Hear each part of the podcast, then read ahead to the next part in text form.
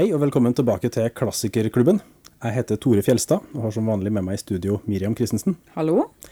I dag er det en litt annen eh, setting enn det vi er vant til, for nå skal vi ikke snakke om én spesifikk klassiker. Vi skal snakke om egentlig alle klassikerne. Janne Stigen Drangsholt er her, velkommen. Takk. Og Therese Eide. Tusen takk. Eh, Og dere har jo en forestilling, eller dere har jo en bok da, først og fremst, som heter 'Fra Shakespeare til Knausgård'. 66 klassikere som du naturligvis har lest. Eh, helt først, kanskje du Janne kan fortelle litt om hvordan, hvordan ble det prosjektet til? Eh, Jeg er veldig glad i eh, lister eh, over klassikere. ja. lister generelt, men, men eh, eh, lister over klassikere spesielt. Og jeg husker når, den, når Harold Bloom lagde sin kanon, eh, så husker jeg jeg syns det var så utrolig fascinerende. At han hadde våga å lage ei liste. Og så tenkte jeg at det var en veldig sånn eh, mannlig øvelse, da. Å være så modig. For han fikk jo ganske mye kritikk. Den boka ble jo ganske sånn omdiskutert. Og så er det jo òg sånn at det, ofte når det kommer ut sånne lister over klassikere, så blir det ganske mye diskusjon. Em, så det syns jeg Så jeg har alltid vært litt sånn fascinert av det. Og så Eh, når eh, meg og Therese kom på tanken da, at vi kunne lage en sånn ei bok, så kjente jeg at jeg fikk sånn storkvinnesgalskap nesten. Fordi det var så utrolig sånn eh, fascinerende tanke at vi kunne lage vår egen liste. da. Eh, så det jo, har jo blitt ei liste som er eh, litt annerledes enn eh, en sånn en tradisjonell eh, eh, klassikerliste, som jo er veldig mannsdominert. Eh, og som òg er ganske sånn snever eh, når det gjelder sjangere, som f.eks. science fiction og fantasy er jo ofte ikke representert, og heller ikke barnelitteratur. Eh, eh, og så har vi òg eh, eh, altså det som jeg, Hvis jeg skal kritisere oss eh, eh, sånn eh, sjøl, da, så, så er det jo kanskje det at det, den er ganske sånn sentrert i engelsk og amerikansk litteratur, da, sånn at det er ikke så mye eh, fra Asia eller det afrikanske kontinentet. Og gjerne heller ikke så mye fra det europeiske kontinentet, at det, det er liksom mest i, i retning eh, England og USA, fordi det, det er den litteraturen som vi begge eh, har eh, størst interesse for, da. Har dere lest alle de 66 bøkene sjøl? Jeg tror Janne har. Jeg håper Janne. Vi håper, Ja, vi satser på at. Janne har lest Ja. det. Jeg, jeg har lest veldig mange av de, for jeg har studert engelsk, jeg også. Så det er mye, det er mye som sto på pensum den gangen. Og mm. ja. Og mange Og så er det noen som jeg gjerne skulle ha lest, og spesielt en som jeg bare prøver å få lest, men jeg må gi opp. Nå må du nesten gå over. Altså, hvilke snakker vi om nå? Eh, det er min, min hvite hval, er Moby Dick. Den har jeg begynt på veldig mange ganger. Men eh, jeg detter av etter det kapittelet om at hval er fisk. Ja, ikke sant? Gang på gang. Og så er det jo utrolig mye masing om redskaper og eh, hvordan hvalfiske skal gjennomføres, og det er, Ja, det er veldig mye praktisk. detalj. Ja. Men du måtte jo rekke å, å te Eller du rekker jo å tegne alle disse klassikerne likevel, Altså, du vet jo hva de handler om. Ja, eh, veldig mye av det er jo kjente Altså det er jo kjente bøker, så man, i kulturen så vet man jo ofte eh, Man har jo en idé om hva bøker eh, handler om, selv om jeg tror vel egentlig ikke det er så mange som har lest hele Moby Dick. Og Det, jo- det er jo nettopp derfor Janne sitt, uh, sin innfallsvinkel i denne boka er litt befriende. For det at eh, du skal jo gjerne ikke innrømme at du ikke har lest Nei, nei, nei. Moby Dick. Eller den har ikke jeg heller lest. Ja, den har jeg faktisk lest. Ja, ikke sant? Men jeg holdt på å gi opp underveis, så jeg, jeg kan leve meg helt inn i den. Men det er jo òg et triks eh, Vi har jo òg noen sånne triks om hvordan du kan like om at du har lest i det, for det er jo det som er litt poenget med denne boka, at du skal kunne klare å komme deg unna med det. Og det er jo det som er litt uh, fint, da. Å tenke seg at uh, ja, det finnes jo noen klassikere man faktisk blir kjempegira og interessert i å lese, og så er det noen som ba man bare faller av. Og det er jo, det er jo greit, det. Ja, absolutt. Ja. Og, og det er jo derfor vi har for vi har jo en egen kategori med hvem som blir imponert. Og det, antydningen i den, det avsnittet er jo at det er ikke alle bøker som er for alle. Så, og det er helt greit. Og, og så ville vi jo òg avmystifisere litt dette klassikerbegrepet, for det er jo mange som syns at det høres veldig utilgjengelig og skummelt ut. Litt støvete, egentlig. Ja, så det at det, vi ville vise ja, hva, hva de forskjellige bøkene handler om, og gjerne gjøre folk litt interessert i å lese de da. hva legger vi egentlig i begrepet klassiker her, da? Altså, vi har jo operert med sånn klassikerbegrep før 1960.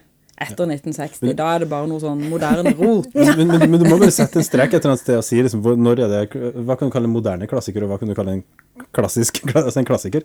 Det, det er vanskelig å sette skille, altså. Det er veldig vanskelig, og så er det jo sånn så siden vi snakket om Moby Dick, så er jo det en, et veldig interessant eksempel på en roman som ble sett på som fullstendig uinteressant i sin egen samtid, og den var jo ute av trykk når Melville døde.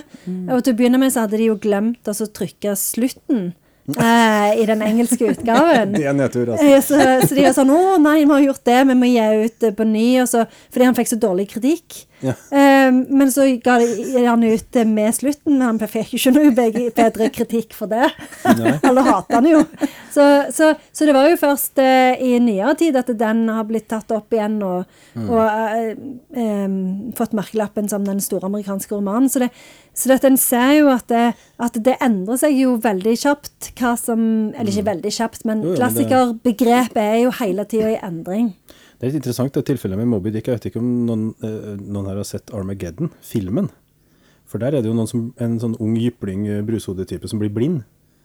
Og den litt eldre astronauten, på turen tilbake så begynner han å lese Moby Dick høyt for han her nå nyblinde fyren som skal få tydeligvis økt innsikt. Eller så. så da er det jo liksom tydelig en sånn etablert som den store amerikanske romanen, liksom på en måte. da. Det er litt rart. Ja. At det kan gå sånn fra å være helt, ikke ukjent, men at folk ikke er interessert, til at det er noe du bare må ha lest. Ja, det er kjempeinteressant, og det er jo mange andre eksempler på det, sånn som Samuel Taylor Coleridge, som jo er en av de mest kjente romantiske dikterne. Han eh, ble jo ikke lest i samtida, det var jo først når T.S. Eliot eh, oppdaget han på 1920-tallet, og var sånn, han er jo fantastisk, at han ble etablert og satt på pensumlistene. Og det samme gjelder jo kvinner, da. Altså kvinner generelt har jo blitt sett på som litt sånn andreklasses eh, både borgere og forfattere. Så det, det er jo en del litteratur om kvinner òg som heller ikke har kommet med. Og Italo Calvino har jo en sånn bok uh, om eh, klassikere hvor han ikke kommer på ei eneste dame som han vil ha med. Oh, det er natur. Ja. Men nå er jo dere to anglofile kvinner som har skrevet om klassikere. Blir dere tatt seriøst, da? Og jeg tenker Therese, du er jo også i et ganske sånn mannsdominert um, felt da, med tegneserier. Det er mye menn i tegneserieverdenen? Ja, det er kanskje det. Nå, eh, nå føler jeg jeg kommer inn på et tidspunkt der det er, det er ganske stor kvinnedominans, egentlig. Jeg var på en uh, tegneseriefestival forrige helg, og der var i hvert fall halve programmet var kvinner. Um, så det varierer jo sikkert uh, litt med, med tid og sted. Det er vel uh, jeg, jeg føler at dominansen Eller at det blir omtrent den samme fordelingen som det er i generell litteratur. eh, I øyeblikket, faktisk. Ja. Det er litt oppmuntrende tanke. Ja, i hvert fall for meg. ja. Men har du ikke fått noe, altså du, du sier at det blir alltid reaksjoner på lista. Det har jeg jo sett med en gang du tar en YouTube-video med topp 10 av et eller annet, så er det liksom kommentarfeltet fullt av 'Jeg kan ikke fatte at du har glemt å ta med', eller 'idiotisk at du ikke har huska'. Sånn. Men har, har dere fått noen sånne reaksjoner på hvorfor er, hvorfor er ikke min favoritt med? Hvorfor er, har du valgt ut den? og sånn? Ja, det er jo alltid noen som, eh, som vil ha sine favoritter med, sånn som Falkberget, for eksempel. Hvorfor ikke han med? Eh, og hva var det Vi har vel fått litt kritikk for at vi ikke har med flere norske. Ja. Eh, og så har vi ut med to av Shakespeare. Det er jo litt radikalt. ja. Eh, så, så, at, eh, så, så at folk er jo eh, engasjert i det. Eh, og så er det jo veldig mange òg som gjerne har lest noe på videregående som de tenker det skulle jo vært med. Og det syns jeg er veldig fascinerende, fordi det viser jo hvor mye inntrykk eh, en gjerne eh, Altså hvor mye inntrykk det gjør å lese en del bøker eh, som blir påtvunget i norsken. Helt klart. Ja, og kanskje at det er den gangen man faktisk leser en klassisk tekst. Og så da, da husker man det. Og så for siden å aldri vende tilbake til klassikernes tapte verden, liksom. Og det er jo litt uh, interessant, da. Ja. Jeg har jo drevet med lesesirkler her med, hvor vi leser klassikere, og folk blir jo utrolig gira, faktisk, av å lese klassikere. Men virker som det kanskje trenger en anledning, da, for å liksom plukke de opp ofte. Hvis ikke det er Jane Austen, da. For det Ja, det er helt leser jo sant. Jane Austen hele Ja, tida. men så er det jo litt òg sånn at For det er jo mange klassikere som en gjerne tenker er veldig sånn at de um, er litt sånn vanskelig tilgjengelige. Og det er det jo ikke alltid. altså, med, greit nok med Moby Dick. Mye detaljer. den er litt tung, synes jeg. Ja, den er tung. Det er mest sånn kilo. Ja. Ja, og òg sånn som Ulysses av James Joyce, for eksempel. Den er ganske ganske sånn tung å komme gjennom. Men sånn Charles Dickens, for eksempel, og der, er- ja, Jane Austen, Austen, sånn som du sier, og eh, mange av disse eh, 1800-tallsromanene er jo veldig lette og spennende. Ja. Mm. Jeg ble veldig overraska da jeg leste uh, den store, tjukke boka som sto Conan Doyle på eh, ryggen da jeg var liten. Uh, sto i hylla til fatter'n og sa den må du lese. Ah, jeg vet ikke helt, jeg. Det er kjempeenkelt språk og lett å komme inn i og underholdende. Men det er kanskje derfor man er litt anglofil også, fordi Ja, det engelske språket har vært så eh, moderne så lenge. så det er Ja. mange klassikere som er eh, tilgjengelige da, fremdeles. Altså Vi snakka jo om det en gang her, at uh, Henrik Wergeland, det er oh, det er sånn hodebry å lese eh, Jan van Huysums blomsterstykke, for eksempel. Vi klarer ikke helt å henge med i svingen, mens Jane Austen liksom, hva betyr det ja, her? Hva mens liksom Jane Austen er vel nokså samtidig, og det er ikke noe Det er jo til og med et par tiår tidligere. Liksom. Ja.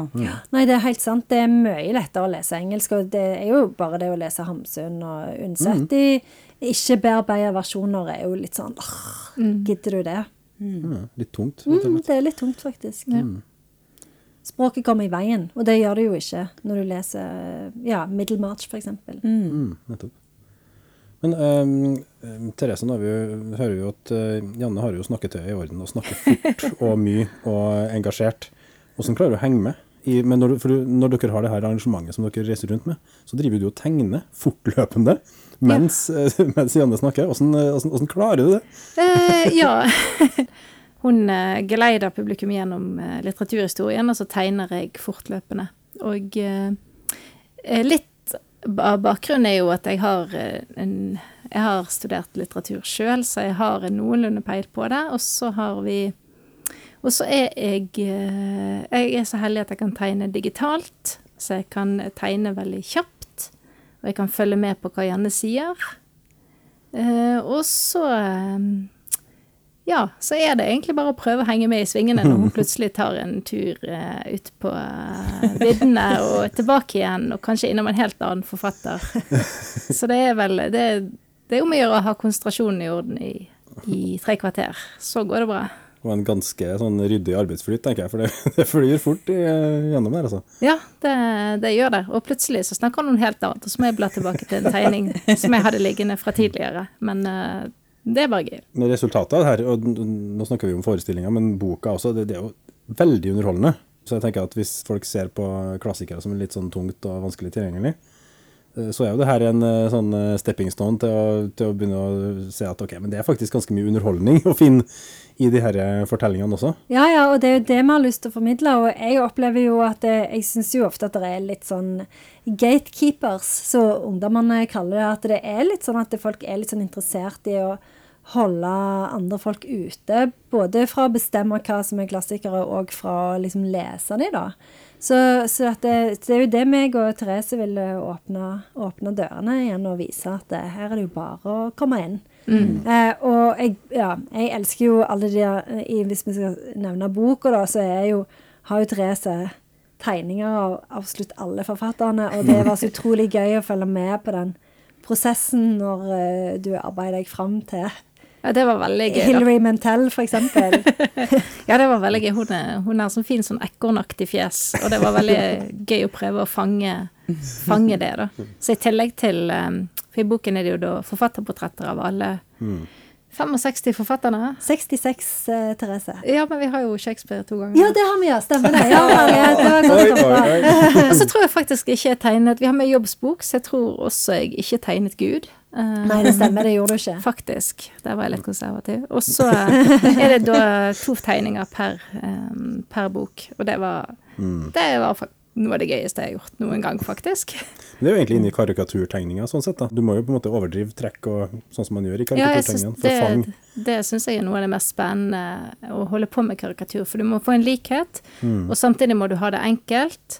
Og i mitt tilfelle så skal jeg prøve å ikke være altfor slem, da. Jeg har gjort en del karikaturer eh, beregnet på, på barn av eh, politikere og sånt, og det er jo en egen kunstart. At å tegne politikerne karikert, gjenkjennelig, og samtidig ikke være Ikke for stor nese, ikke for ikke, Ikke den, den vorta i ansiktet liksom. for mye. Nei, nei, nei.